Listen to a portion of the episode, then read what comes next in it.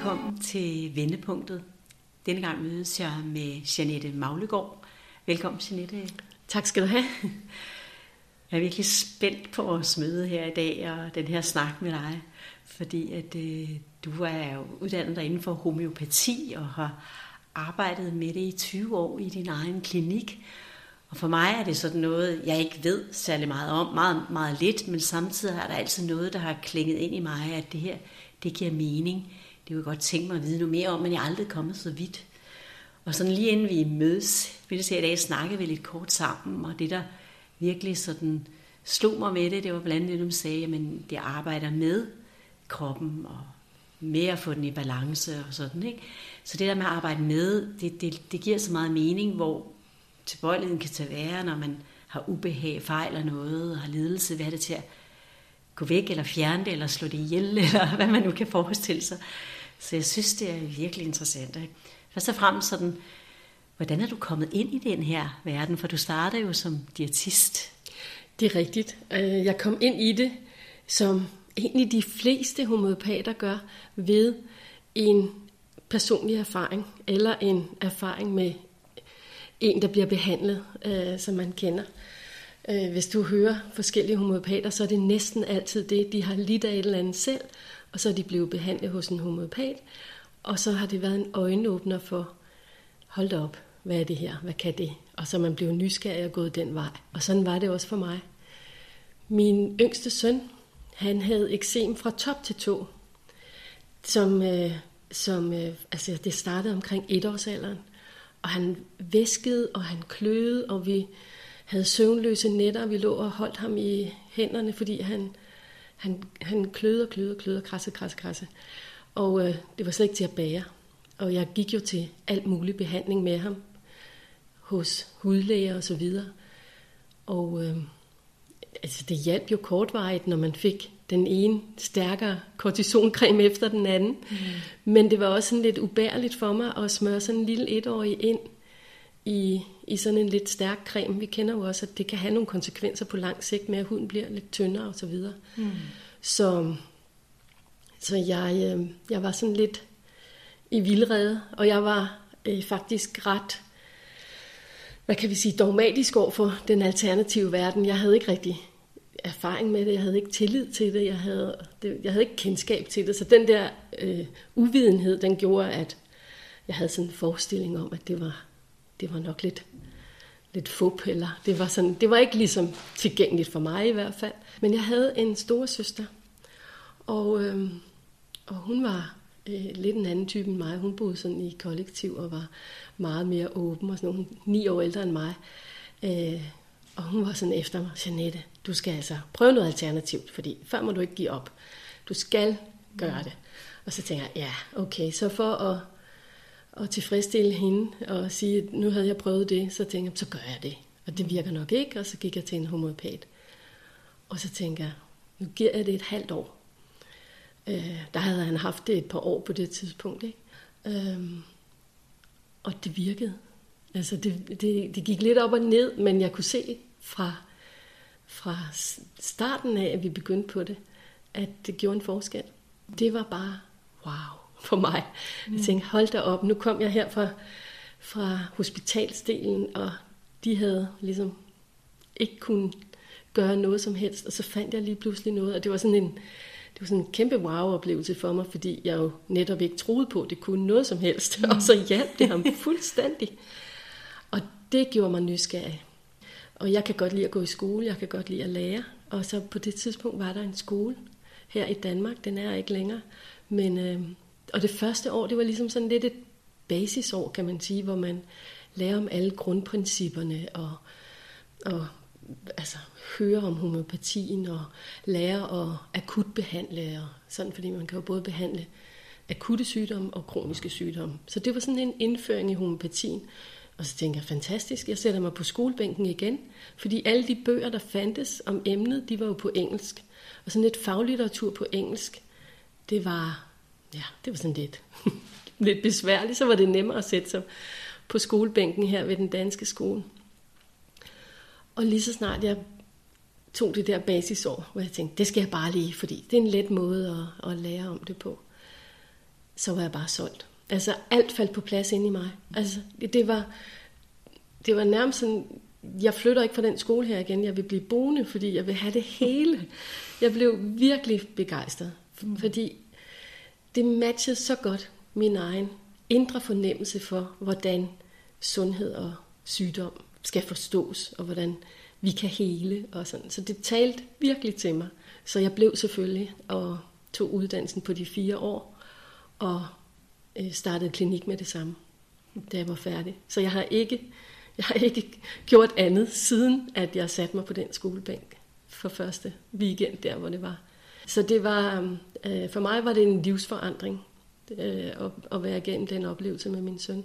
Mm. Fordi det var bare, ja, jeg, jeg så ligesom lyset på en eller anden måde. Det var, det var, jeg kunne ikke lade være. Jeg blev næsten kaldet til at skulle arbejde med homeopati, fordi jeg synes, det var så fantastisk.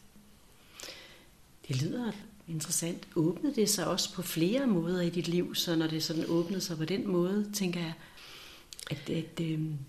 altså det, det bliver jo en, når man lige pludselig brænder så meget for en sag næsten, ikke? eller for, for et emne, så kommer det jo til at betyde noget for, hvordan man opfatter verden. Altså det blev, det blev lidt et nyt verdenssyn for mig, fordi, ja.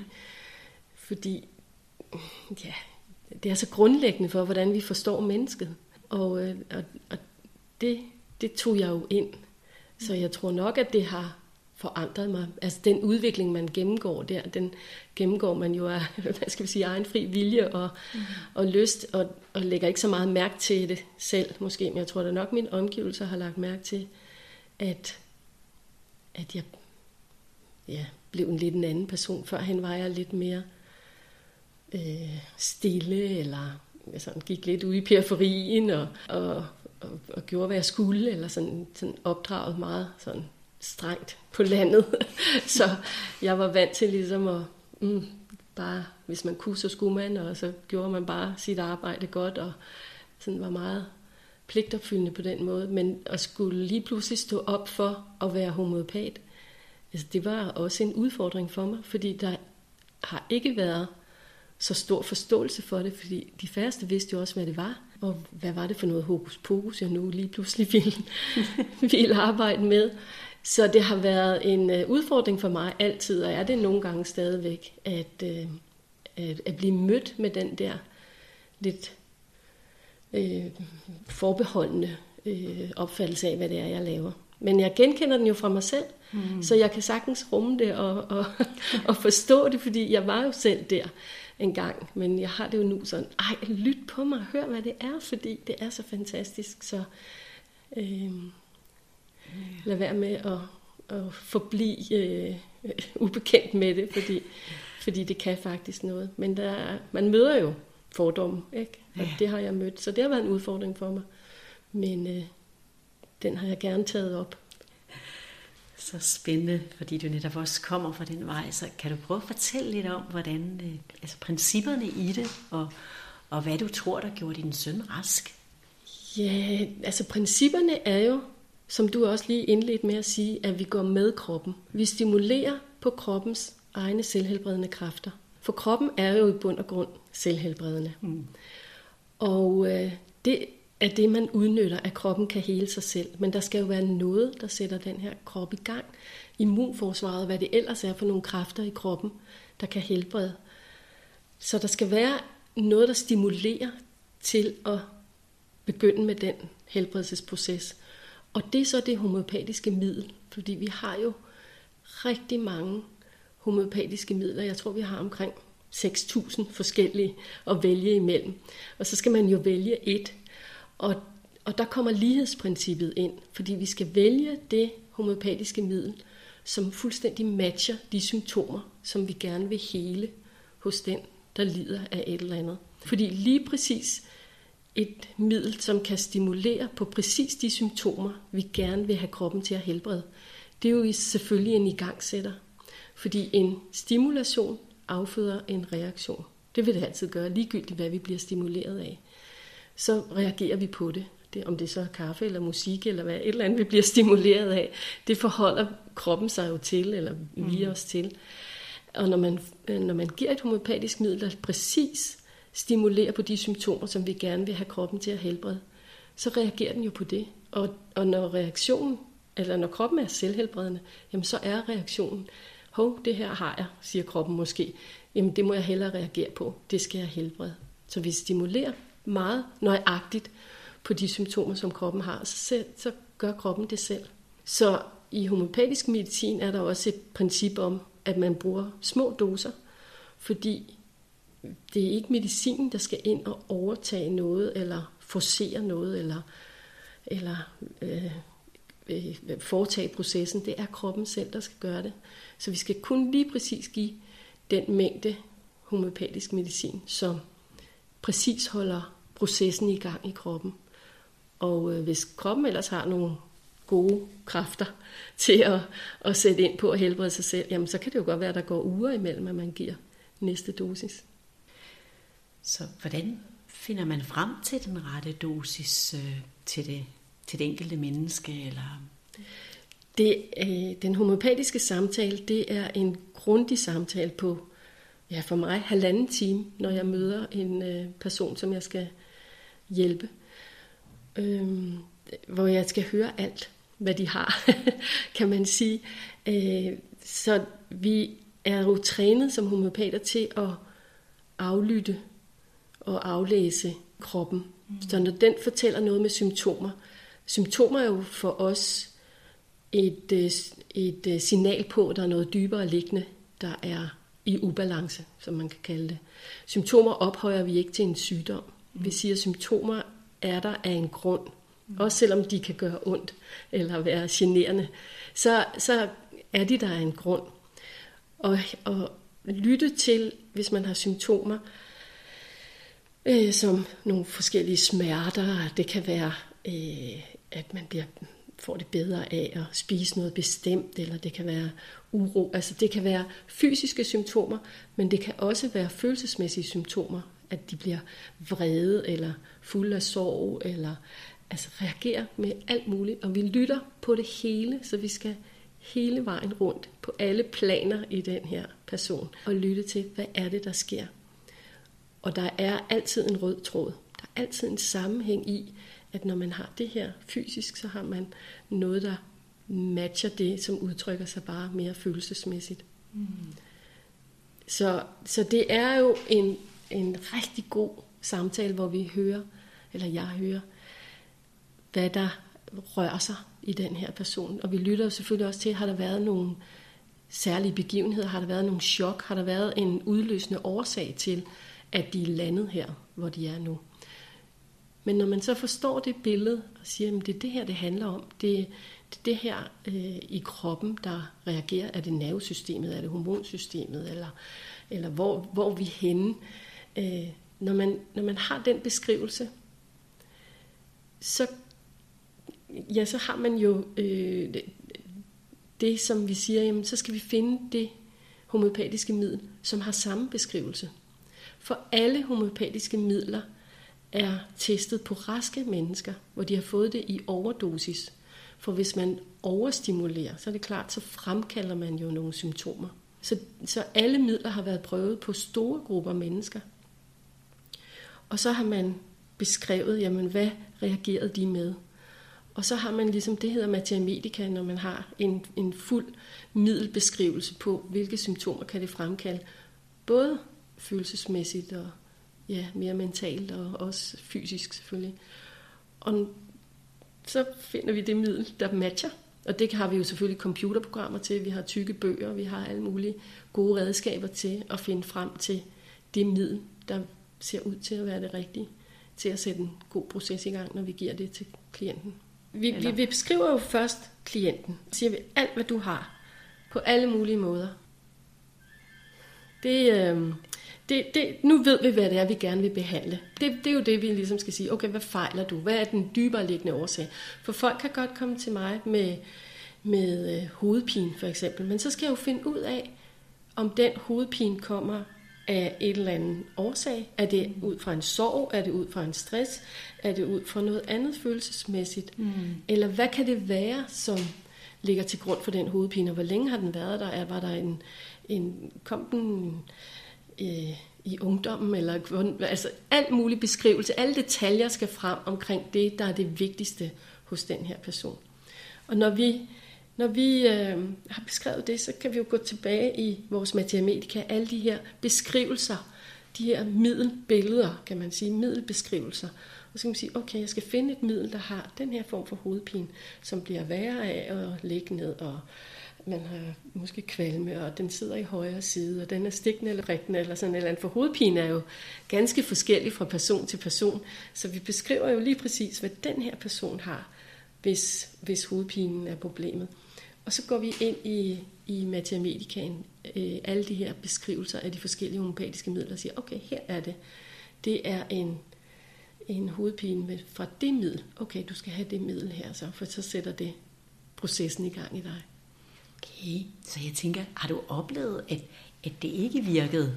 Jo, det, det har jeg da. Fordi øh, som menneske har man jo også sine begrænsninger. Jeg kan jo fejlfortolke, kan man sige. Jeg kan sidde og lytte efter et eller andet og tænke, åh, oh, det er det, det handler om. Og så, så var der måske noget andet, der var mere presserende. Og hvis kroppen er ligesom et andet sted, øh, så, er det, så er det der, vi skal behandle. Altså, jeg havde, nu havde jeg lige en, en samtale med en den anden dag, som var en opfølgning, og hun ringede og sagde, åh, min, øh, hun havde noget, der hedder lupus. Hendes lupus var... var, var en hudsygdom. Øh, ja, det er en hudsygdom. Og øh, den, var, den var forværet. Og så, vi må snakke om det. Så sagde han, det er lang tid siden, vi har talt sammen. Var der, hvordan går det ellers? Og jeg skulle sådan, man lytter jo altid, er der andet, er der mere? Mm. Hvorfor, hvorfor kom den her lupus frem? Det er jo det, jeg lytter efter. Jeg havde forværet den. Og så havde hun lige været igennem et kraftforløb. Mm. Og øh, det havde selvfølgelig øh, øh, hvad hedder det, belastet hele hendes krop. Og hun var stadigvæk meget øh, påvirket af det. Og, og i den situation, der ville jeg ikke kunne lige give noget til lupus og sige, om så får vi nok ro på den. Var nødt til at være der, hvor hun er. Hvor hun følelsesmæssigt var meget oprørt over alt det, hun havde været igennem. Og det havde været meget sådan, turbulent og mm. gået meget hurtigt. Øh, så der var noget følelsesmæssigt, som virkelig var øh, oppe og køre i hende. Plus at hun jo også havde en del healing øh, efter operationerne, hvor vi så siger, jamen, vi bliver nødt til at få styr på det her først, for din krop er mere til stede der end i lupusen. Mm. Så kan man sige, at lupusen var jo nok blusset op, fordi hendes immunforsvar havde så travlt med at hele andre ting i hendes krop, at den måske ikke lige kunne ja, holde den lidt nede. Det er jo en kronisk tilstand, som, som godt kan gå lidt op og ned, og især hvis kroppen er meget travlt optaget med nogle andre ting, så, så kan den selvfølgelig blusse op også.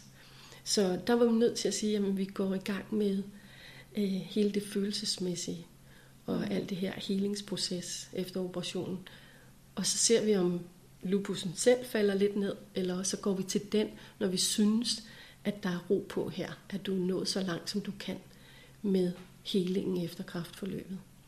Så, så, så det er et eksempel på, at man er nødt til at være opmærksom på, ligesom, hvad kan man sige, hvilken dør kan man gå ind af i den her krop, ikke? Mm. Hvor, hvor man mest til stede, fordi vi, det er jo kroppen, der skal udføre arbejdet. Vi skal lytte til kroppen og forstå, hvor den er, og hvor den egentlig gerne vil gå i gang hvor det giver mest mening at gå i gang for kroppen. Fordi øh, så får vi bare bedst resultater. Og det er klart, at det kræver noget, noget erfaring og noget træning og, og, at have den indsigt, fordi øh, hvis, hvis klienten kommer med, med øh, hovedpine, og man tænker, at hele dit øh, fordøjelsessystem fungerer overhovedet ikke. Det er der, kroppen er meget mere til stede. Jeg kan godt forstå, at din hovedpine også er irriterende, men vi er nødt til også at lytte til, hvor kroppen synes, det er mest vigtigt. Altså, jeg kan godt have klienter, der siger, at det, her, det, det generer mig mest, ikke? men der bliver jeg nødt til at kigge igennem og sige, jamen, hvor er din, hvor er din krop egentlig henne? Mm. Hvor, hvor er, hvad, hvad generer den mest? Hvor er det, vi skal starte en helingsproces for at få det bedste forløb ud af det. Vi skal nok nå til hovedpinen også. Og, og i og med, at det måske er i samme person, så hænger det jo også sammen. Så kan der jo godt være en, en sammenhæng i, at kroppen har både øh, øh, dårlig fordøjelse, hvis vi skulle tage det eksempel, så er leveren også påvirket, og hovedpinen kan komme af en lever, der har påvirket. Så, så lad os gå til ondets råd, kan man sige, og få den her fordøjelse og den her lever øh, i et bedre tilstand, jamen så kan det være, at hovedpinen forsvinder af sig selv. Så det, det er jo det der med at aflæse kroppen, hvor kommer tingene fra. Så vi skiller ikke tingene ad, men vi tager det under et hele. Det er en holistisk behandling, hvor vi er nødt til at kigge på helheden og forstå sammenhængen. Oh, jeg bliver så glad, når jeg hører det, fordi dels fornemmer jeg den her store empati og indlevelsesevne, du har, og virkelig se og turde fortælle os, hvad du ser på en fin måde, så det, jeg forestiller mig, at det bliver accepteret. Du siger, nej, det kan godt være, at du vil den vej, men, men øh, prøv at høre, så forklarer du, hvorfor at man skal starte et andet sted. Så det er sådan enormt øh, talentfuldt og omsorgsfuldt, og så tænker jeg sådan, det giver meget mening i, i, i min holistiske forståelse. Men jeg tænker bare, alene den måde at møde et menneske på, med halvanden times samtale, med så stor indlevelsesevne og forståelse og dansen, altså med patienten, patientens krop, så man ikke kun følger sindet, tankerne, men lader kroppen tale den må have stor betydning i mit univers for helingen. Alene det kan sætte gang i en heling. Er det, det gør det bestemt. Er det har du ikke opdaget? Jo, jo, jo, det gør ja. det bestemt. Øhm, så derfor, derfor får de også først det homøopatiske middel efter måske nogle dage eller en uge eller et eller andet, fordi hele den der proces har netop sat noget i gang i dem. Og det er, øhm, det er aldrig svært at, at få den accept for, at vi, vi begynder der, hvor jeg gerne vil begynde. Fordi i samtalens forløb, så er der jo rigtig mange øh, prose, der går op for folk, vil jeg sige. Fordi det er virkelig sjældent, at folk sidder og taler om sig selv i halvanden time. Øh, fra øh, om alt det vigtige. Og, og, det er jo, og jeg skal ikke sige mange ord, fordi det er heller ikke mig, der skal styre samtalen, så de, de skal selv gøre det. Jeg skal så bare spørge til sidst uddybende omkring nogle ting.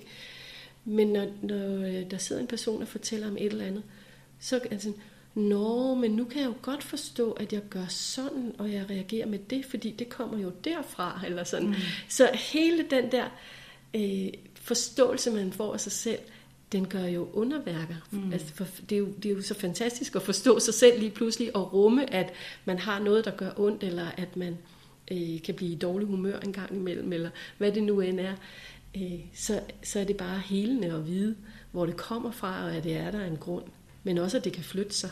Så, så bestemt, øh, jeg har det sådan, at jeg sjældent giver det homopatiske middel med hjem, efter at de har været til en konsultation. Fordi jeg skal jo sidde og lave min analyse. Jeg kan godt sidde og have en idé om, at den her person skal have et middel, der kan hedde natmur eller pulsatiller, eller hvad det nu hedder. Men jeg vil alligevel oftest sidde og lave den der fulde analyse, hvor jeg kigger på og siger, hvad hænger sammen, når der er øh, symptomer med, at man øh, ikke kan græde, og man helst vil være i ene rum, og man meget gerne vil være meget plisende over for andre, og man har nogle skuffelser med i livet og sådan noget. Nu sidder jeg og, og fortæller om natmur, øh, som er et middel for, for blandt andet sorg, men også for mange andre ting, fordi de kan jo få hovedpiner af den her sorg, eller man kan få ja, Øh, mange øh, symptomer på det.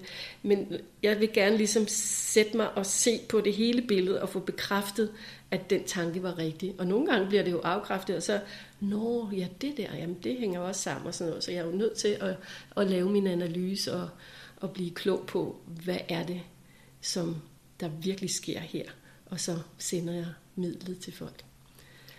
Så du har blevet ved med at have sådan en åbenhed ind i, at, øh, din første teori også kunne vise sig at være noget andet, hører jeg, ikke? Altså du bliver ved med at have en åbenhed jo, ind jeg i tror, det. det er farligt, hvis man tror sig selv så dygtig, at man bare lige kan spotte det og, og, og giver det og gøre det.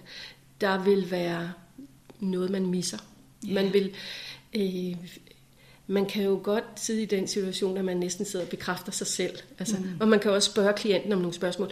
Har du også det? Eller sådan et eller andet. Og vi må aldrig spørge om de der ledende spørgsmål. Fordi selvfølgelig siger de ja. Fordi når terapeuten sidder og spørger, har du ikke også det? Så vil vi da helst give terapeuten ret og sige ja. Så vi må ikke falde i den grøft, at, at vi skal bekræftes. Det er simpelthen ikke os, der skal i spil. Det er klienten. Så vi er nødt til at lade klienten bruge sine egne ord og, og, og fortælle det.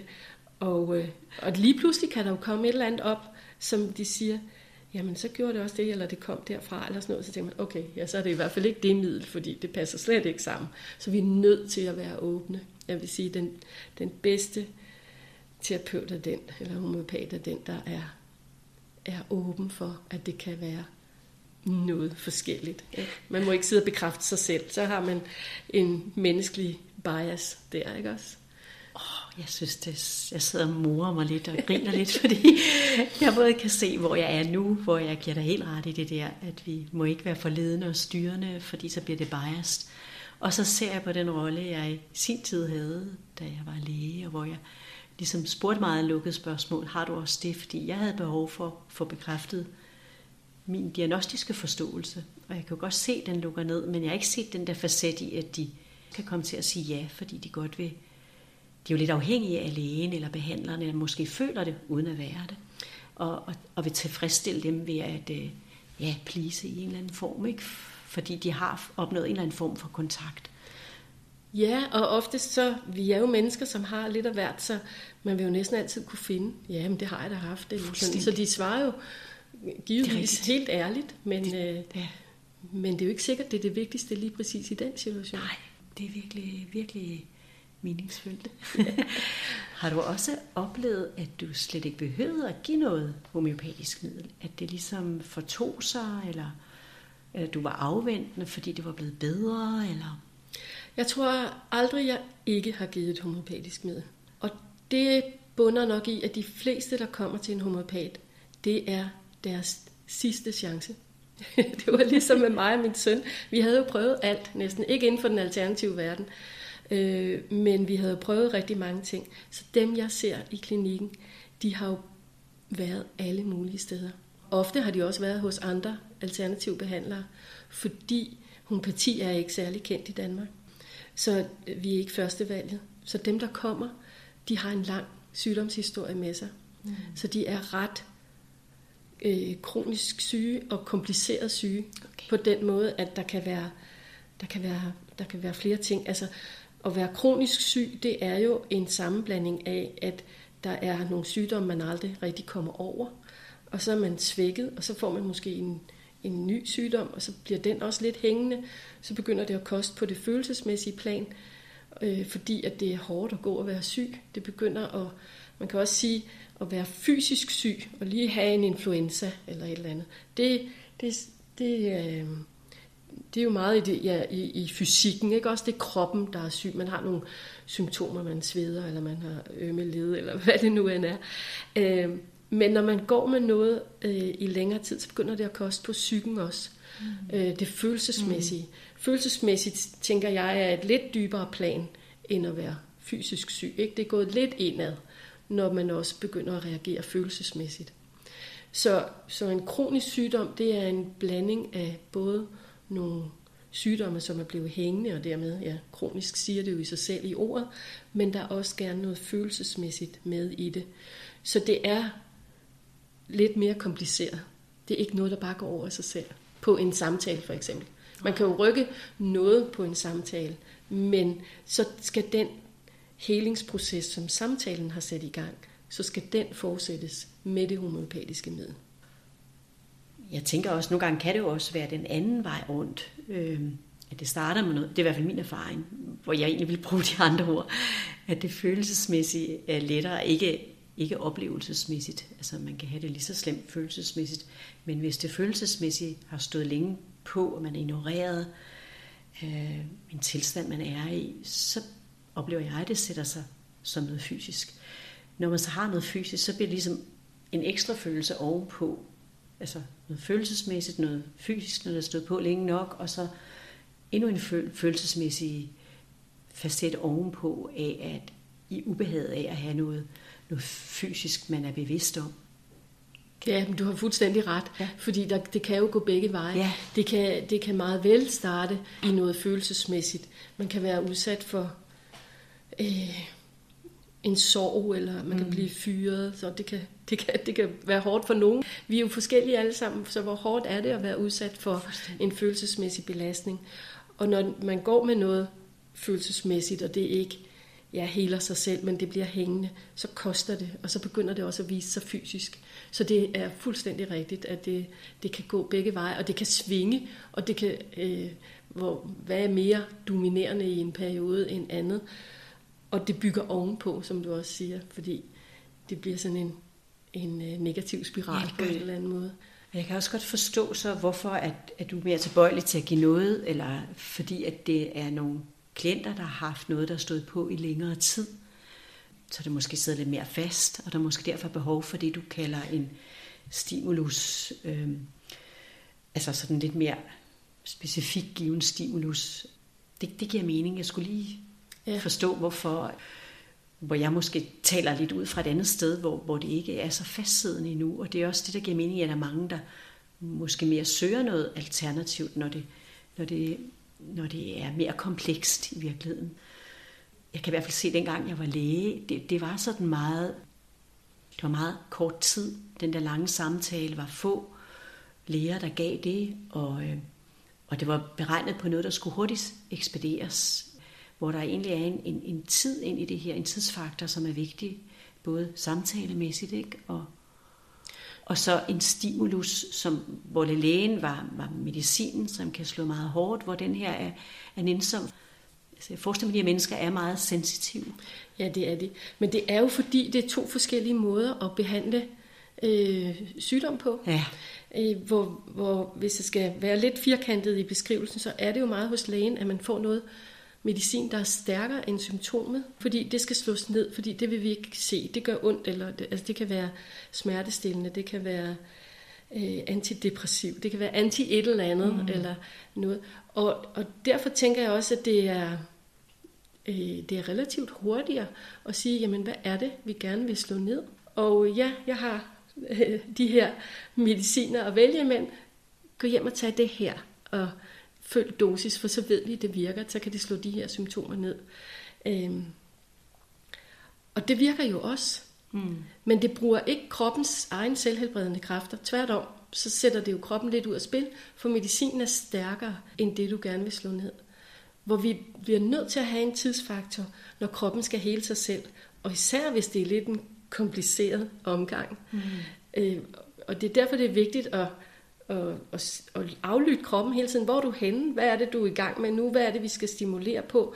Øh, og det er nærmest som at spole filmen tilbage i forhold til alt, hvad folk har været igennem. Og hvor vi skal hele det op, hvor vi, hvor vi starter øh, i det sidste nye tilkommende som regel, og så øh, støtter til, og man på fast track selvfølgelig, altså det skal jo ikke tage lige så lang tid, som det har taget, at få det her at komme i den tilstand, men det skal, det skal speedes op, sådan så kroppen heler, og, og heler i omvendt orden, kan man nærmest sige. Jeg har haft masser af tilfælde, hvor, hvor det bekræftes. Altså jeg husker en, som havde, øh, øh, ja, han havde faktisk en masse forventningsangst, og, og meget sådan bekymring, og, og var bange for at gå til eksamen og så videre. Og øh, det skulle jeg så behandle ham for, og han fik et middel, der hedder Argentum nitricum. Og, øh, og, og det hjalp ham så godt, at han fik masser af energi, og han sagde, kan vi ikke, kan vi ikke fortsætte, fordi nu har jeg øh, overstået mine eksamener, men jeg kan mærke, at det gør noget godt for kroppen. Og vi fortsatte, så lige pludselig en dag, så ringede han til mig, så sagde han, altså nu har jeg fået børneeksem, og det kan jeg huske, jeg havde, da jeg var barn, men hvorfor får jeg det her i 35 års alderen? Så sagde han, okay, så har vi fået spolet tilbage dertil. Den eksem skal nok forsvinde også på det her. Så nogle gange så skal de igennem nogle gamle symptomer, som man har haft, så dukker de op igen. For hvis nu de var blevet slået ned med for eksempel kortisoncreme, og, og ikke hele, men, men ja, slået ned med noget, så ligger de jo et eller andet sted latent i kroppen igen. Så når kroppen bliver stærk nok, og vi kommer langt nok tilbage i tid på den måde, jamen så dukker det op igen, og så heler vi det denne gang og så bliver det et overstået kapitel. Så det er, det er altså en meget typisk historie, at, at man, man møder nogle ting på sin vej i helbredelsen, som er tidligere symptomer, som man egentlig troede var gået væk. Men hvis det var slået ned med, med antibiotika eller noget andet, som bare slår tingene ned, eller ikke bare, men som har det princip at slå tingene ned, så ligger de der jo et eller andet sted, ikke helt færdiggjort stadigvæk, og så kan de dukke op igen. Men, men så er kroppen et sted, hvor den kan hele det, og ellers så tager vi jo hånd om det, og, og, og giver de midler, der skal til for at, for at hele den del op, og så videre. Så man kan jo ende med at, at være i sådan en helbredstilstand, som man var, da man var ung. Det giver god mening. Jeg tror bare, jeg vil beskrive det på en anden måde, men at det her tingene dukker op igen, når han bliver ligesom mere parat og åben til at se det måske. Men jeg er imponeret over, at han henvender sig faktisk med et følelsesmæssigt symptom, hvor jeg havde sådan en forestilling om, at de fleste, der kom som homeopat, kom med nogle fysiske symptomer.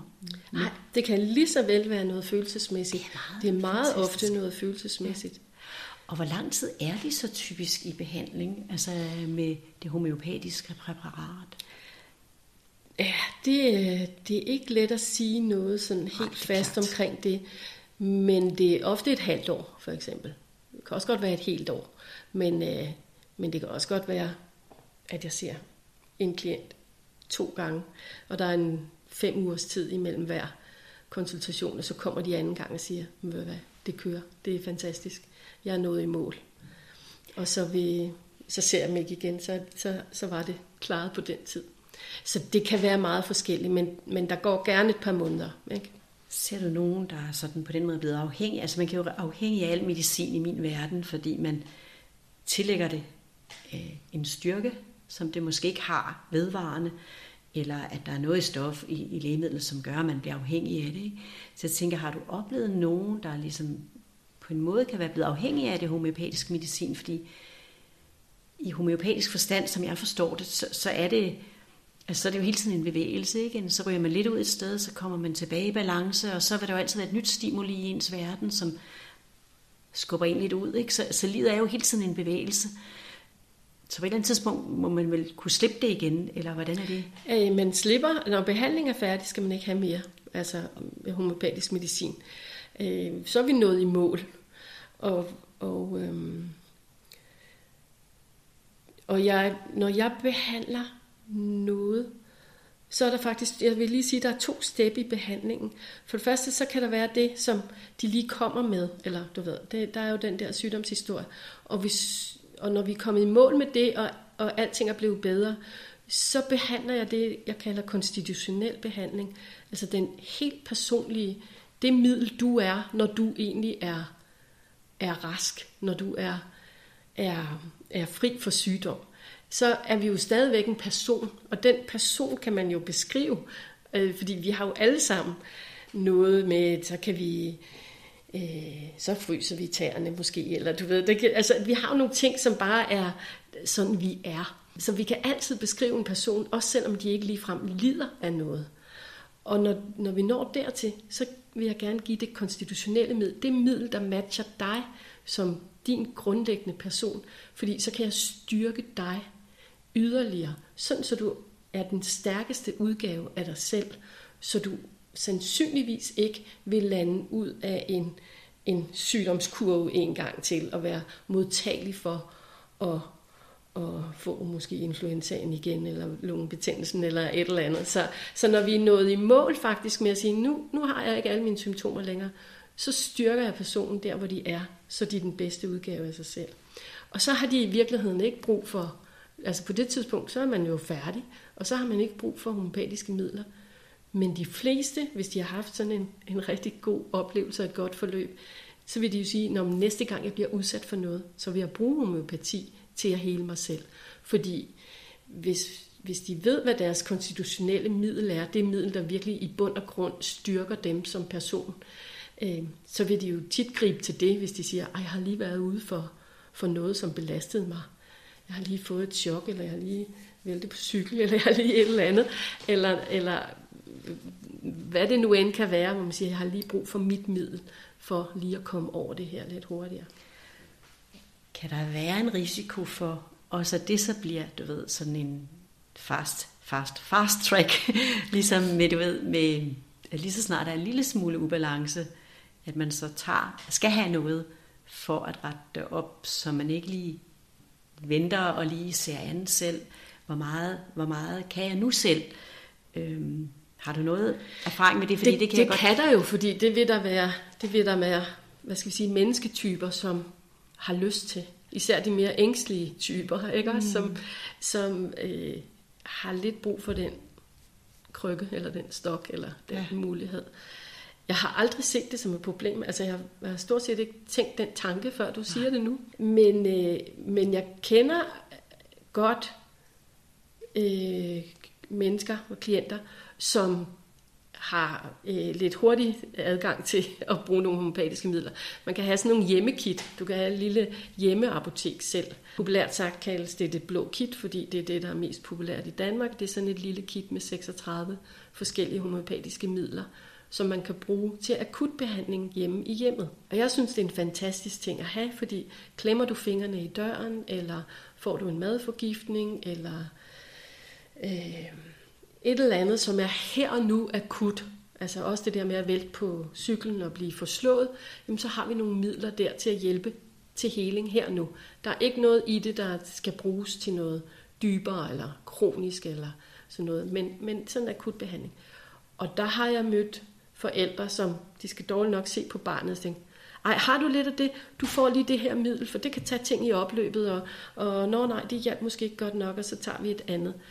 Og, og det synes jeg er lidt ærgerligt, fordi det er medicin, vi har med at gøre, og det er dybtegående.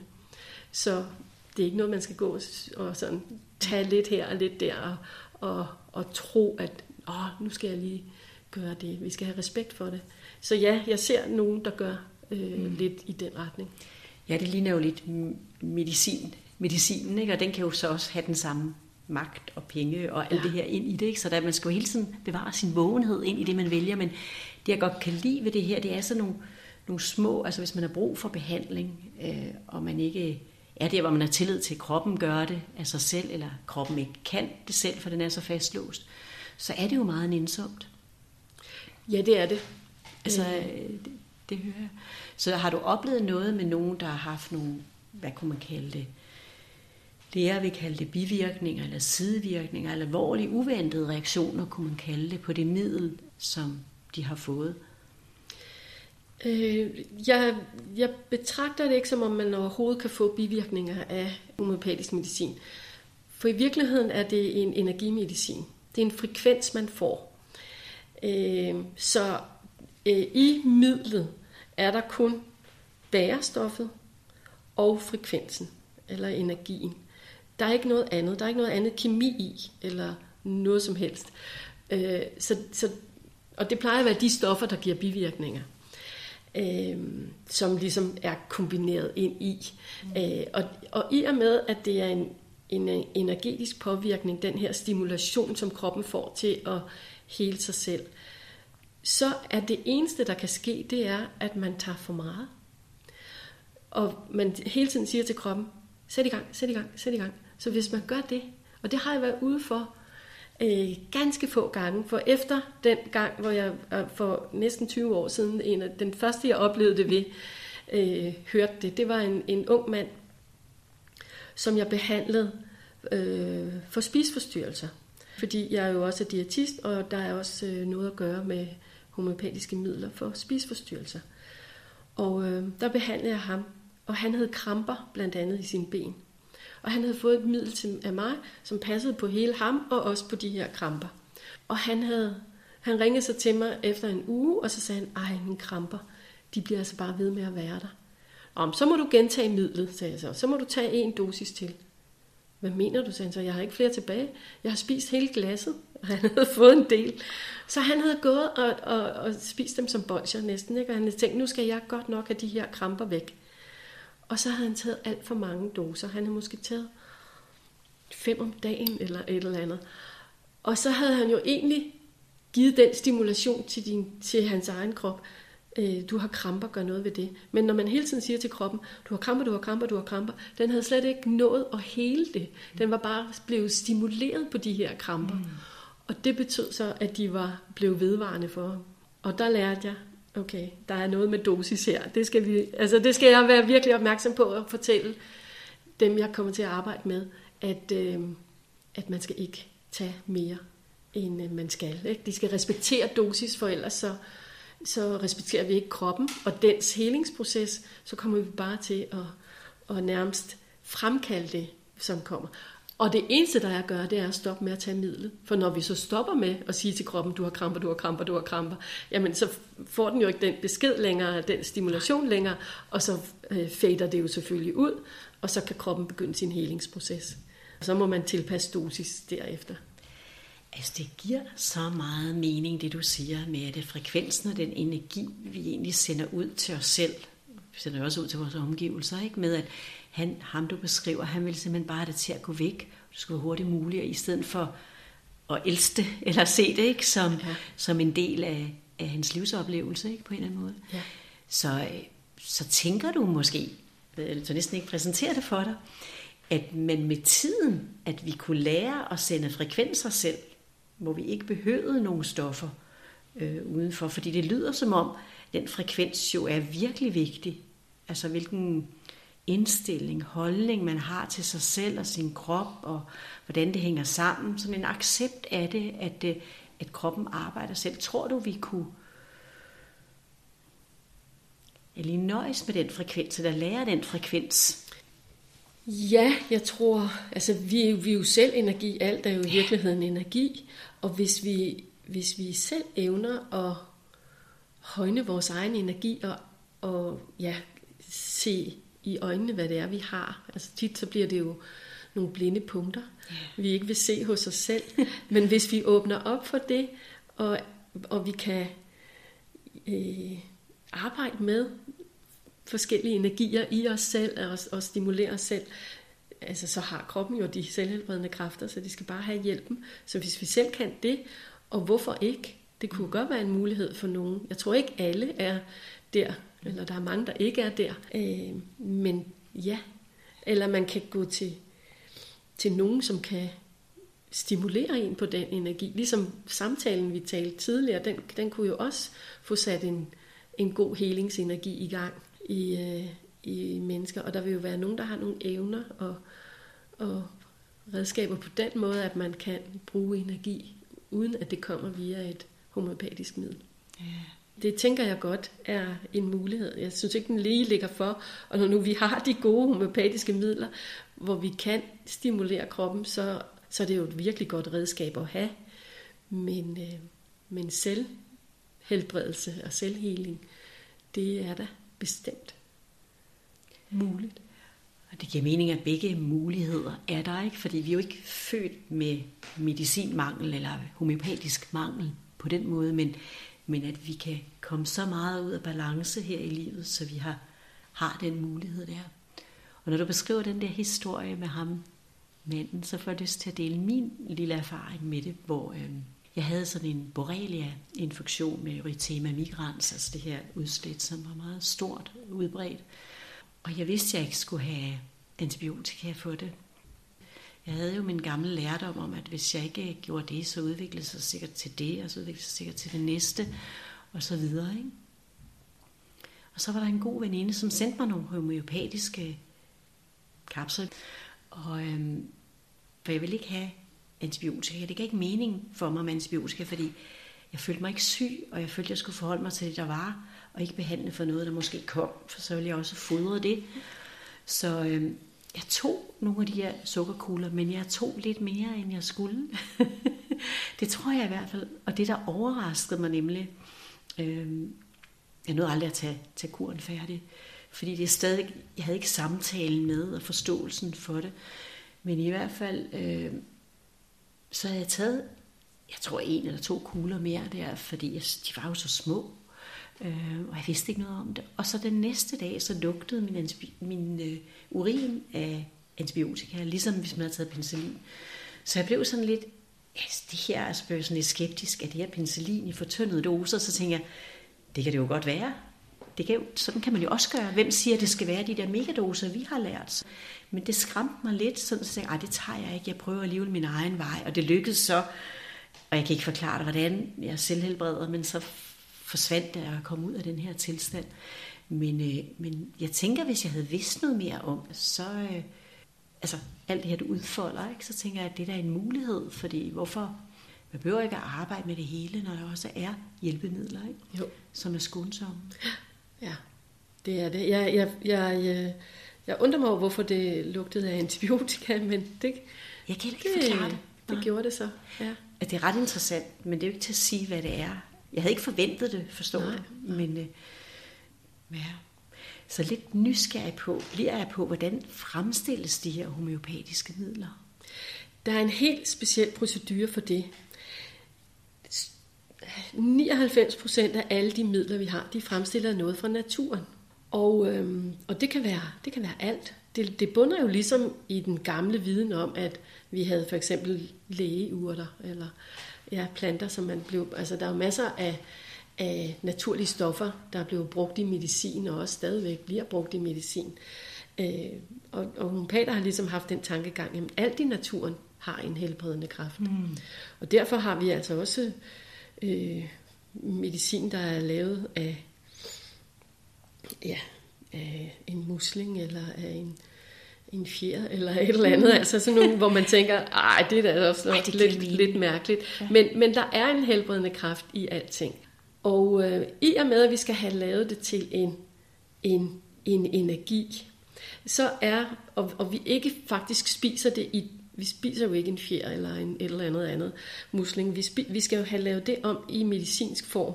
Så man, man, man begynder med at, at gøre øh, den substans, man nu skal lave det ud af, opløseligt. Om det så skal øh, øh, kværnes i en morter med, med noget, der, der findeler det, eller om det er noget flydende, der kan opløses i, i noget alkohol. Jamen, så laver man substansen øh, opløselig. Og så laver man en blanding, hvis nu man siger, at man har øh, 100 ml eller sådan et eller andet af den, så tager man faktisk 1 ml af det over i en ny blanding med 99 øh, øh, dele i af i, I de første par fortyndinger, der er det alkohol, og ellers så bliver det vand senere. Og så øh, laver man den opløsning, men for at få øh, energien fra den substans, som, som, vi, øh, som der bliver arbejdet med, ind i det vand som, eller alkohol, som man nu har opløst det i, så skal det rystes meget kraftigt eller bankes. Det står i, i, i de gamle skrifter, hvordan man, man banker, og der bankede de sådan hårdt ned 100 gange i sådan en læder, en bundet bog eller et eller andet. Nu har man jo maskiner til det.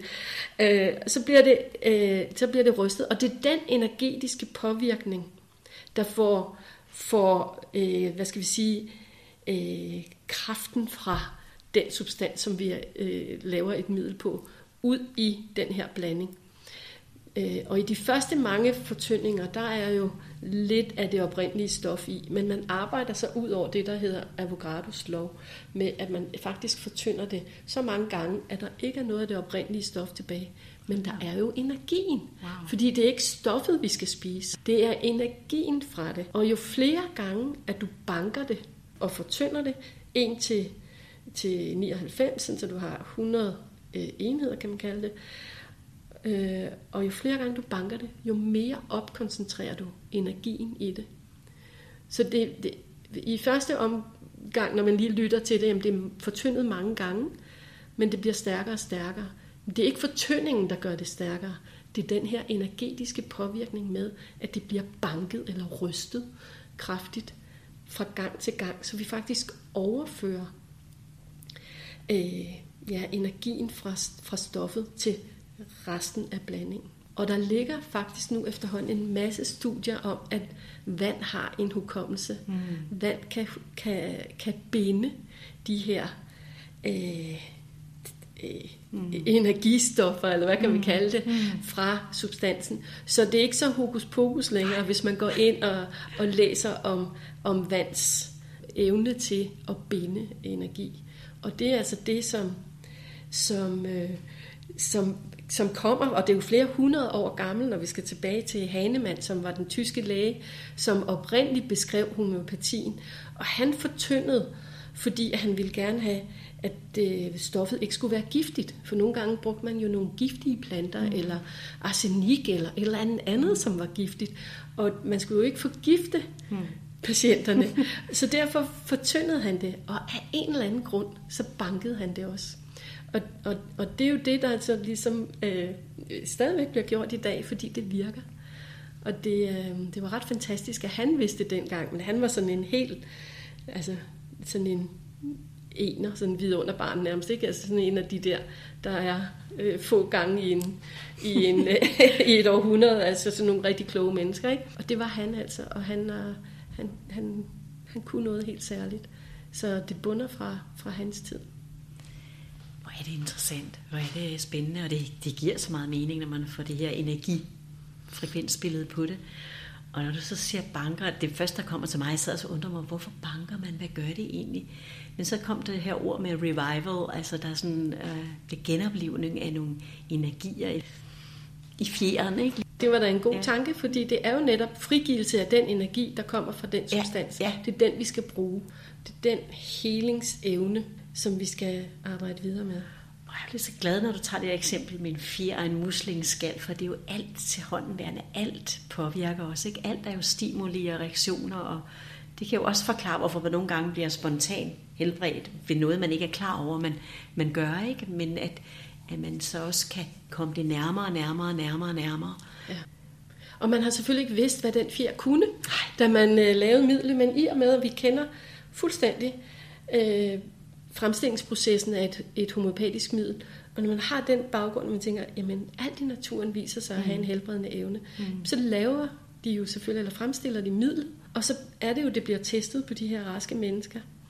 Og så kan man beskrive det og sige, okay, dem der, den gruppe, der fik fjer her, de, øh, de, øh, de reagerede med det her.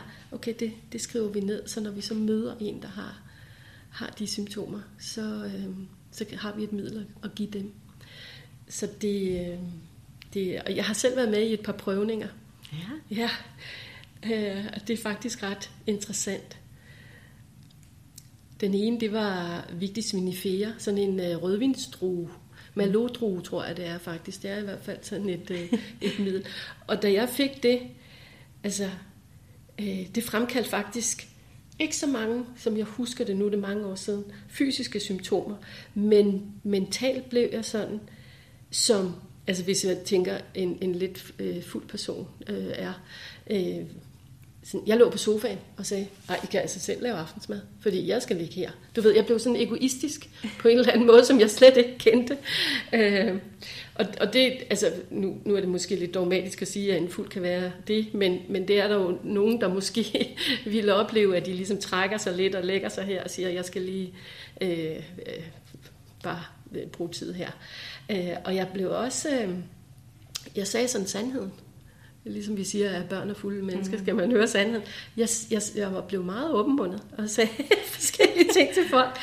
Og jeg kan huske, at jeg gik hen, der var nogle drenge, der stod og mobbede en og øh, skubbede en anden øh, lille dreng ind i en hæk. Gik direkte hen og sagde, nu stopper jeg, og sådan og sådan og sådan. Så jeg fik sådan noget ligefremhed og noget, noget, noget sådan lidt ufiltreret mod, kan man sige, øh, under den prøvning. Så hvis jeg møder det hos en klient, og jeg, og jeg hører, at de siger, at jeg ligger, og de behøver jo ikke at være fulde eller have et alkoholproblem. Men, men hvis de har den fremtoning, at de siger, at jeg skal, ligger bare der, jeg trækker mig fra familien, de må sørge klare sig selv, og jeg gør sådan, og jeg er sandhedens øh, mester, og jeg gør bum, bum, bum. Altså, så jeg, hvis jeg hører den samme historie, så tænker jeg, du skal have vigtig svinifære midlet. Så, så det, det er faktisk meget interessant, og, og, og man skal næsten som behandler selv have prøvet at tage nogle midler øh, i, i, i prøvninger, som det hedder, når man, når man prøver et middel på, på, øh, på, for første gang på en gruppe mennesker. Fordi det er interessant at vide, hvad et middel kan gøre. Plus at man jo selv skal øh, i behandling, fordi vi kan ikke sidde og arbejde med noget, som vi ikke selv har mærket på egen krop. Jamen har du da prøvet så alle de her mange Jeg har jo ikke prøvet alle, nej, det har jeg selv. det er svært at huske. øh, og faktisk er jeg lidt, øh, jeg, jeg er måske ikke verdens bedste til at behandle mig selv, fordi åh, det, jeg behandler jo alle mulige andre, så glemmer man nok lidt sig selv nogle gange. Mm. Men, øh, men jeg tager selvfølgelig, jeg bruger selvfølgelig øh, homopatiske midler, hvis jeg, hvis jeg har et eller andet. Øh, men jeg er heller ikke bleg for at gå til lægen, for jeg synes, vi alle sammen kan noget. Mm. Og når der er brug for øh, noget bestemt, jamen, så skal man jo gå den retning. Ikke? Men øh, nej, jeg har ikke prøvet alle midler, og jeg vil, jeg vil ikke sådan teste mig selv. Det er ikke noget, man gør bare sådan på egen hånd heller, og prøve midler af på sig selv. Det er noget, man gør i et meget, altså en hver prøver, som vi kalder de personer, som får det homopatiske middel i overdosis, har en, en supervisor, som følger dem i tygt og tyndt igennem øh, de ganske få uger, som det varer, og skriver alt ned, og man fører dagbog og sådan noget. Det er meget sådan beskrevet også, hvordan man gør det. Mm. Øh, der skal jo selvfølgelig være taget en, en fuldstændig anamnese, inden man går i gang, fordi øh, hvor finder man øh, raske mennesker? Der er jo ingen, der er 100% raske, så man skal jo selvfølgelig kende, hvad, hvad plejede du at døje med, eller hvad kunne du have en gang imellem, eller sådan noget, sådan, så man alt er beskrevet, så man følger en fuldstændig protokol for at gøre det der. Så det er ikke noget, man selv render og gør så meget. Men jeg har da taget nogle forskellige midler igennem tiden, fordi der er jo midler, der passer på, at hvis jeg lige er faldet og slået knæet, så skal jeg jo tage noget, og hvis jeg har influenza, skal jeg tage noget andet. Ikke? Og sådan er der jo nogle midler, der kan hjælpe i akut situationen, plus der jo også er et middel, der er mit grundlæggende, som jeg kan finde på at tage en gang imellem, når jeg føler mig lidt slidt og lidt, lidt mat i koderne, eller hvor jeg tænker, at jeg fejler ikke noget, men jeg har bare selv brugt på en eller anden måde, jamen så kan jeg jo lige hjælpe mig selv op igen ved at tage mit middel. Og, og hvordan finder du så balancen i, du ved, altså, jeg tænker, det er ligesom med, med det der binyrbarkhormon, vi lagde ud med, ikke? at det er et mirakelmiddel, altså det der, og så fortsætter jeg mit liv. Altså det der med, at, at kroppen giver lyd fra sig og symptomer, hvad den gør fra tid til anden, øh, så stopper jeg op og læner mig tilbage og, og begynder at iagtage, hvad jeg tænker og hvad jeg føler og hvor jeg er. Altså ikke sådan systematisk, det sker nærmest af sig selv, men i hvert fald sådan tilbagetrækning og afventen, indtil jeg ligesom griber til noget. For ellers skal man jo komme til at tage noget, og så fortsætte samme spor, hvis du kan følge mig. Ikke? Altså hvis man... Jo, men hvis du tager det rigtigt og bliver løftet, ja. så fortsætter du ikke samme spor. Men jeg, jeg er nok lidt ligesom dig, fordi som jeg sagde før, så er det ikke så tit, jeg behandler mig selv. Fordi jeg også har en kæmpe tiltro til, at kroppen kan selv. Og nogle gange skal den igennem det lidt selv. Altså så skal man give tid og rum og fagne at, det, at øh, kroppen fortæller mig, at nu skal jeg lige tage det lidt med ro, eller den der, det der skal jeg lige passe på med, her skal jeg passe på mig selv, eller hvad det nu end er, man er udsat for. Øh, og, og, øh, og, og, og den omsorg skal man jo have for sig selv, den må man aldrig glemme. Det er jo det, er jo det første, man skal gøre. Men, men hvis man lige har brug for, at det øh, skal have lidt støtte, fordi det er jo støtte at tage et homopatisk middel. Det er at ja, måske også at speede processen lidt op, at det går lidt hurtigere. Men øh, det kan man jo også godt have brug for en gang. Men hvis man har indsigten og forståelsen, og man siger, mm. ja, det, fordi, fordi det er ikke kunstigt. Det er jo kroppen, der selv gennemgår øh, helingen, når mm. den får den stimuli. Øh, så man kommer bare lidt hurtigere i mål. Så nogle gange er det også et valg at tage. Ja. Sige, det skal vi. Og når du siger mål, så er det sådan et, et midtvejsmål, ikke? For som du sagde også sådan lidt om, at, øh, at øh, vi er jo aldrig helt raske. Altså, jeg tænker, jeg mener, vi er altid raske, men vi reagerer på noget forskelligt. Så det der med mål, altså der er noget, vi kan komme i mål med, men man ved jo aldrig, hvad der sker i morgen eller om et år. Altså, så på en eller anden måde kan det jo godt blive vagt igen, ikke? det man har haft. Tænker du ikke det? Altså, jo. at det kan vende tilbage øh, i en eller anden form, ligesom du siger, hvor oh, nu er jeg skal jeg lige have et eller andet? Jo, det kan det, fordi vi... Øh, når vi, når vi er i et mål, vil jeg sige, så er det der, jeg, jeg bruger øh, frihedsbegrebet som et mm. sundhedsbegreb. Fordi når vi er frie mennesker, mm. når vi kan træffe valg, vi kan, øh, og vi kan have alle mulige følelser. Vi kan, gå, vi kan græde, vi kan gå ud af gråden igen, vi kan blive vrede, vi kan mm. gå tilbage igen. Så når vi sådan bouncer tilbage og er i en, en balance, og vi egentlig har frihed til at kunne reagere i alle retninger. Øh, så, så, så, så sundhed er jo ikke, at man kun er glad. Det vil jo faktisk betragte som lidt en fejl, fordi der er ingen, der kun er glade. Vel, sundhed er, at man kan øh, have frihed til at være øh, i overensstemmelse med den reaktion, man skal have i den givende situation. Mm. Øh, så, så når vi når dertil, så, så synes jeg, jamen, så er man et godt sted. Men selvfølgelig kan vi jo komme ud for nogle ting i vores liv efterfølgende, som slår benene lidt væk under os, eller som kommer til mm. at koste på et eller andet konto. Øh, og, og så må man hjælpe sig selv mm. derfra. Vi har alle sammen det, jeg kalder en modtagelighed. Vi har alle sammen noget, som kan ramme os individuelt, hver især. Mm. Ligesom jeg sagde før, at blive fyret, for nogle er det jo verdens undergang, og de, de går helt ned, for eksempel, og skal, bliver virkelig sorgfulde eller deprimeret og øh, virkelig øh, hårdt ramt af det. Og for andre, der kan de åbne døren og sige, det er en gave, nu skal jeg ud i livet, og hvad skal jeg nu prøve? Og sådan. Altså, det er jo for at give to ekstremer, mm. men vi er jo bare forskellige. Mm. Og når vi, når vi taler med andre mennesker, så hører vi jo også, nogle gange, så tænker jeg, så siger hvorfor, hvorfor var det så svært? Eller hvorfor reagerede du på det? Altså, det ville aldrig røre mig, eller sådan. Og, og det fortæller os jo bare, at vi alle sammen er forskellige, mm. og vi alle sammen kan blive ramt på alle mulige forskellige mm. måder. Øh, men sådan er livet.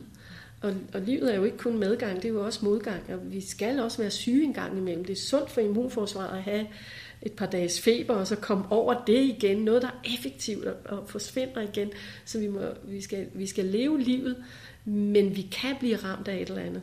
Og, øh, og, og så må man tage det homopatiske middel, eller få det homopatiske middel, som kan hjælpe en hurtigere på benene igen, eller i den gode, sunde balance. Det synes jeg, at at godt, at man kan, øh, når, nu vi, når nu vi har muligheden for det. Vi har viden om det. Ja, det har vi. Jeg hører, at den homøopatiske medicin er meget skræddersyet, unik, så nu, unik og så skræddersyet, som man nu kan være, velvidende, at man nok ikke kan tage højde for det hele i en, i en kompleks krop, men den der unicitet og skræddersyethed, det er virkelig noget, der jeg ser i fremtiden. Jeg kan se selv inden for min tidligere erhverv, altså lægebranchen der, der begynder man at snakke om skræddersyet medicin.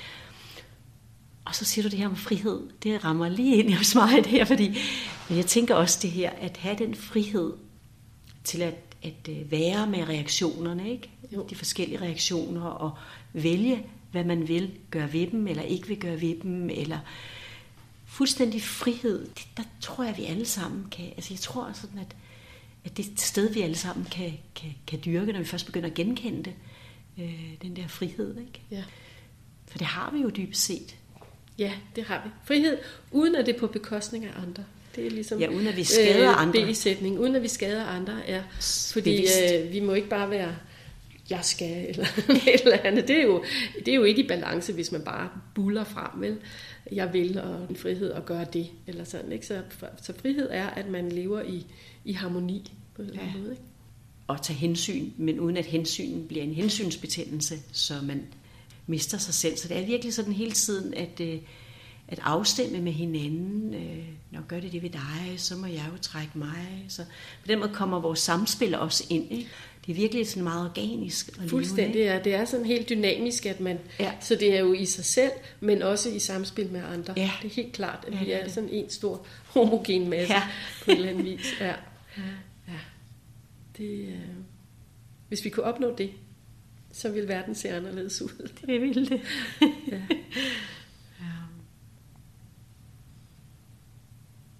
Jeg har været meget rundt omkring, men jeg ved ikke, om der er noget mere, du tænker, du kunne byde ind med, som du tænker, vi kunne have glæde af at vide, os som ikke kender så meget om det? Det ved jeg ikke, hvad det skulle lige være. Jeg synes, vi har været meget godt omkring øh, homeopatien, og det vigtige er jo den individuelle dosis, øh, yeah. mindst mulig dosis, og øh, det, samtalen. Ja, og samtalen, ja. Hele forståelsen af, af mennesket og sygdom og sundhed, og hvordan det opstår. Fordi det giver muligheden for at helbrede det igen. Og så slår det mig pludselig, at øh, det er jo til mennesker, men du er jo sådan gået endnu videre. Det er ret fantastisk, synes jeg. For det var egentlig den vej, jeg fandt dig. Sund have, eller hvad du ja. kalder det. Ikke? At du også prøver at bruge, hvordan kan jeg bruge det i, i, i min have, eller naturen, eller det, der omgiver. Det er jo, det er jo også en helt Ja, det er en helt ny boldgade, jeg bevæger mig i. tankegang, ja. som er virkelig interessant. Ikke? Fordi der ønsker du heller ikke at skade eller udrydde, men at finde en ny balance. Ikke? Så... Jo, det, vi har altid vidst, at homopati virker på både mennesker og dyr. Øh, og i de sidste 50 års tid har vi vidst, at det faktisk også kan bruges ude i naturen, fordi det bygger jo faktisk på naturlov. Mm. Det bygger på selvhelbredelse, og naturen har også en, deres form for selvhelbredelse. Den er ikke identisk med menneskers, men, øh, men det gør jo ikke, at vi ikke kan bruge de homopatiske midler. Så mit sidste nye tiltag, det er, at vi skal bruge det ude i vores øh, natur, ja, ude i haven, ude i køkkenhaven osv. Og vi slår ikke noget ihjel. Og vi har jo ingen gift, fordi det er stadigvæk homopatiske midler. Det er stadigvæk frekvenser. Fordi vi kan godt påvirke planter. Det har det vist sig med de her midler. Så vi kan få færre skadedyr og færre plantesygdomme. Og vi kan faktisk også stimulere til, at vi kan få et bedre udbytte. For eksempel hvis du har tomater, dyrker det.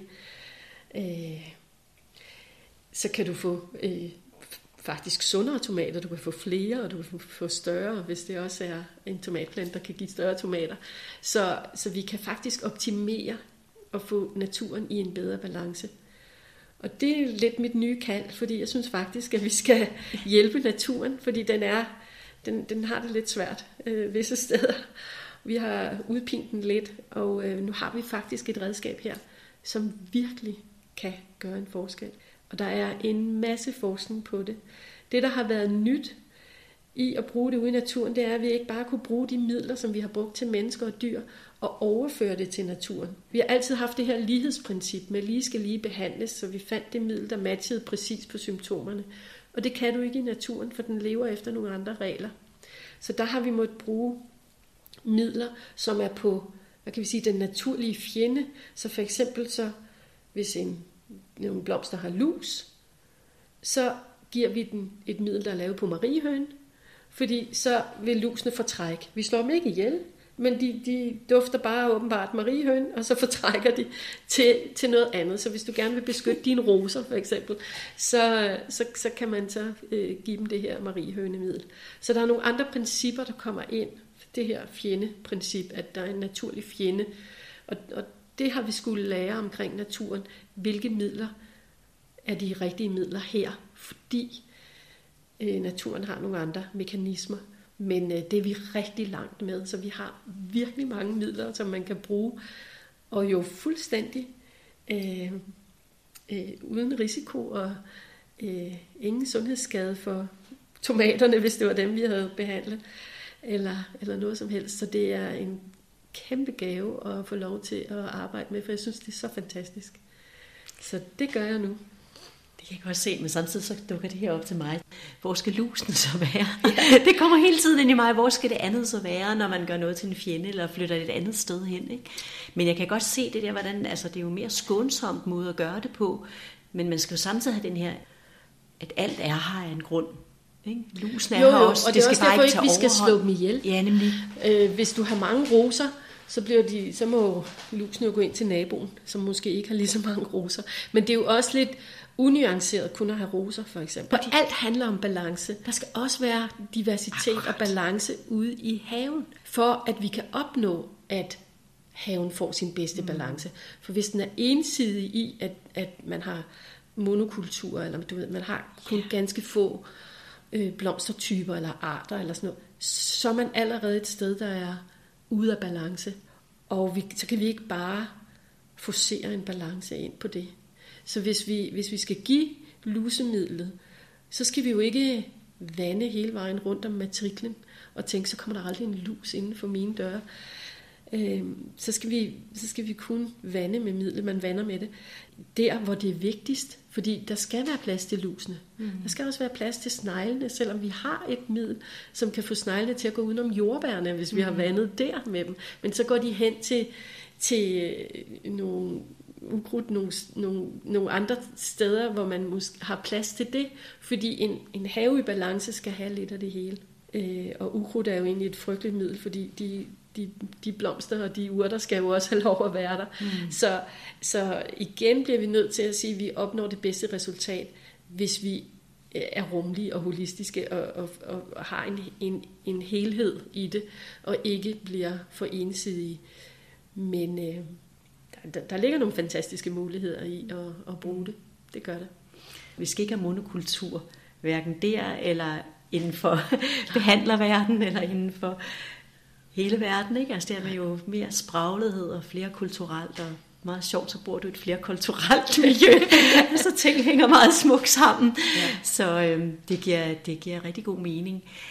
Også fordi, jeg, jeg tror, jeg tænker sådan lidt der, der er jo også nogen, som så øh, for eksempel, øh, hvis der er mange kålelarver, så planter de nogle blomster, øh, som tiltrækker bierne, som så spiser kållarverne. Ja de måder er der, den måde er der også at det arbejde på. Men der er jo, glemme. Nej, der er nemlig mange forskellige måder, man kan gøre det på.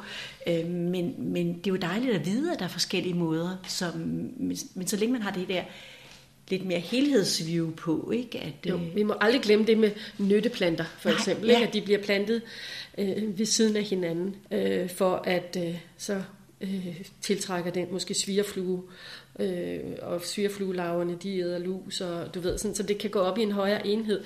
Sådan skal vi jo forstå naturen og hjælpe ja. naturen, fordi det er jo altid det bedste. Ja. Det er jo også altid det bedste, at vi forebygger, at vi selv bliver syge. Ja. Altså, vi skal, jo, vi, skal jo, vi skal jo hele tiden arbejde mod det sundeste. Øhm, og det skal vi også i haven. Man kan sige, at vi kopierer naturen og gør det øh, lidt mere koncentreret, så det bliver en lille smule mere effektivt. Men vi skal jo ikke på den måde manipulere med naturen. Det vil jeg aldrig gå ind for. Så vi skal altid gøre det på naturens præmisser. Men jeg synes, det er dejligt at have et redskab til at få sneglene til at gå udenom jordbærne, så vi selv kan få nytte af dem. Fordi jeg kender jo rigtig mange, der har haver, ligesom jeg selv har en have. Øh, altså vi vil jo alle sammen gerne dyrke uden at bruge gift, eller uden at bruge øh, forskellige stoffer, der skal slå noget ihjel. Og jeg tror, vi alle sammen har prøvet at lave blandinger med, med opvaskemiddel og sprit og hvad ved jeg. Og det, det, det virker bare ikke rigtig godt. Altså i længden heller. Vel, det er jo her og nu behandling, som det er jo ikke helende. Og i, i, i at bruge de her frekvensbehandlede eller homopatiske midler i haven, der handler det om at styrke planten. Så vi går ikke ind og slår noget ihjel, eller gør noget resistens, eller på den måde. Vi stimulerer plantens egne mekanismer til at få de her skadedyr eller plantesygdomme til at forsvinde. Og planter har jo helt deres eget system. Altså planter er jo altså unikke. Tænk, at en, øh, det med nekrose, for eksempel en plante, kan få en gren til at dø, ved at den ikke sender næring ud i den gren længere. Fordi hvis det var det sted, den var angrebet af en plantesygdom, så kan den kotte den af, sådan, så det dør, fordi så beskytter den sig selv i resten af planten, og så er det kun lige den der gren, der dør, som den må sætte til. Planter har helt unikke måder at arbejde på, og kan en hel masse, og, og, og, og, og har selv meget energi og mange stoffer i sig, som de kan tiltrække øh, bier, så de bliver bestøvet, og de kan, de kan simpelthen, de står jo bare et sted, de kan jo ikke flytte sig, så de bliver jo også nødt til at have alle de her signaler, så de kan, kan beskytte sig, eller kan tiltrække noget. Øh, og det er den det, det er den evne, planten har, som vi stimulerer mm. med det homopatiske middel. Mm. Så den bare bliver stærkere. Mm. Vi behandler planten ud af modtageligheden til at blive angrebet af plantesygdomme og skadedyr. Vi gør den simpelthen stærkere, fordi det er kun de svage planter, der bliver angrebet. Så hvis du siger, lige præcis de her planter i min have vil jeg gerne gøre stærkere, for det er, min, det er dem, jeg vil have, og det er dem, der skal give noget udbytte, eller hvad det nu end er, du har de planter for, så kan du behandle dem jo. Du behandler jo ikke alt i hele haven, for der er en masse, der skal have lov at stå og være naturligt. De steder, hvor det er vir- vigtigt for dig, der har du nogle muligheder. Jeg ved ikke, om det gav mening, det jeg sagde her. Jeg blev lidt grebet af... ja, det kan godt høre. men, øh, men øh, ja. Det er skønt at høre, og jeg kan, det jeg i hvert fald rigtig godt kan lide, jeg kan høre din respekt for det, respekt for naturen, og ikke manipulere med den, selvom vi nok på en eller anden måde manipulerer. Det gør man jo i, lidt. Det gør men... vi jo automatisk ved, at vi gør noget. Ikke? Jo. Så er vi jo noget manipulation over, men det er så meget respektfuldt og kærligt, og sådan gælder det jo med dyr, med mennesker, med natur, med alt, ikke? Og det er i hvert fald, det, det, det kan jeg mærke hos dig. det tror jeg er enormt vigtigt ingrediens i alt. Ja, det er det, for vi, vi bruger naturlovene, vi bruger naturens egne præmisser, vi, vi stimulerer bare til, at det går lidt hurtigere. Og derfor, ja, det er manipulerende, men det er manipulerende på, når det er på egne præmisser, på mennesket, dyrets eller plantens, øh, og vi, vi styrker dem på den måde, den selv vil styrke sig selv på, så er det for mig ikke så dårlig en manipulation, som hvis vi gik ind og, og overtog noget, eller øh, ville, ville styre noget i en anden retning, eller sådan et eller andet. Så det er i bund og grund at hjælpe dem til et bedre sted at være. Så ikke præsten til at yde mere, end den kan yde, apropos den her måde. Man taler i hvert fald udpint landbrug, ikke? At, at man, man måske får det til at yde mere, end det kan. Eller, det... Ja, der er ikke den samme... Nu, jeg kommer fra en gård jo, så jeg har været lidt inde på det. Ja. Øh, og, og det er rigtigt, der, der øh, ved at gøde så meget, som man gør, så kan man sige, at man tvangsfoder lidt planterne, mm. og, og, og får et større udbytte. Øh, og det er... Øh, det, det bypasser jo ligesom Øh, alle de mikroorganismer, der er i jorden, som ellers skulle føde planterne, gøre næringsstoffer fra jorden planteoptagelige. Der er en masse mikroorganismer, der lever omkring rødderne, som har den evne, at de kan omdanne nogle af de næringsstoffer, der ligger i jorden, så planten bedre kan optage det. Og det er den synergieffekt, der er mellem plante og mikroorganismer i jorden, og hvad der ellers findes i jorden. Og, og det, det, det går man jo udenom, når vi bare siger, at de får noget noget stærk gødning her. Og planten vil optage det, fordi den bliver jo fodret med det, kan mm. man sige. Øhm, og derfor kan du få øh, store og flotte planter og mere udbytte. Men du har glemt samhørigheden med jorden. Yeah. Og vores jord bliver faktisk øh, udpint mm. lidt, ikke? fordi balancen er væk. Øh, og mikroorganismerne er færre og færre, fordi der er ikke lige så meget brug for dem, for planterne lever jo alligevel. Så, så det, det er lidt en, en forceret måde at gøre det på. Mm. Uden, uden helt samklang med naturen. Ikke? Så det er rigtigt. Og, og, og det, det får sin pris efterhånden, ikke? fordi vores jord er, som du siger, udpint. Den, den kan ikke lige så meget, som den kunne engang. Fordi de her mikroorganismer, de er meget, meget færre. Og vores humuslag eller muldlag øh, bliver formindsket. Så er der ikke så meget rum til det heller. Så det er sådan lidt ned ad bakke. ja, så det er godt, man begynder at tænke i andre baner ja. nu, tænker jeg. Ikke? Så. Så tak for den del også, lige med ja, det her. Jeg kunne ikke lade være, for jeg synes, det var så fascinerende. Ja. ja, vi kommer vidt omkring. Men, øh, hvis du ikke lige har noget Nej, at runde af med, så vil jeg sige. det har været dejligt at sidde her og fortælle om det, jeg brænder for. det er jo en skøn mulighed for mig at ja, få det i rum. Tak, siger jeg også, for alt det, du har delt, og det er virkelig inspirerende. Og ja, tusind tak. Selv tak. Det har været en fornøjelse.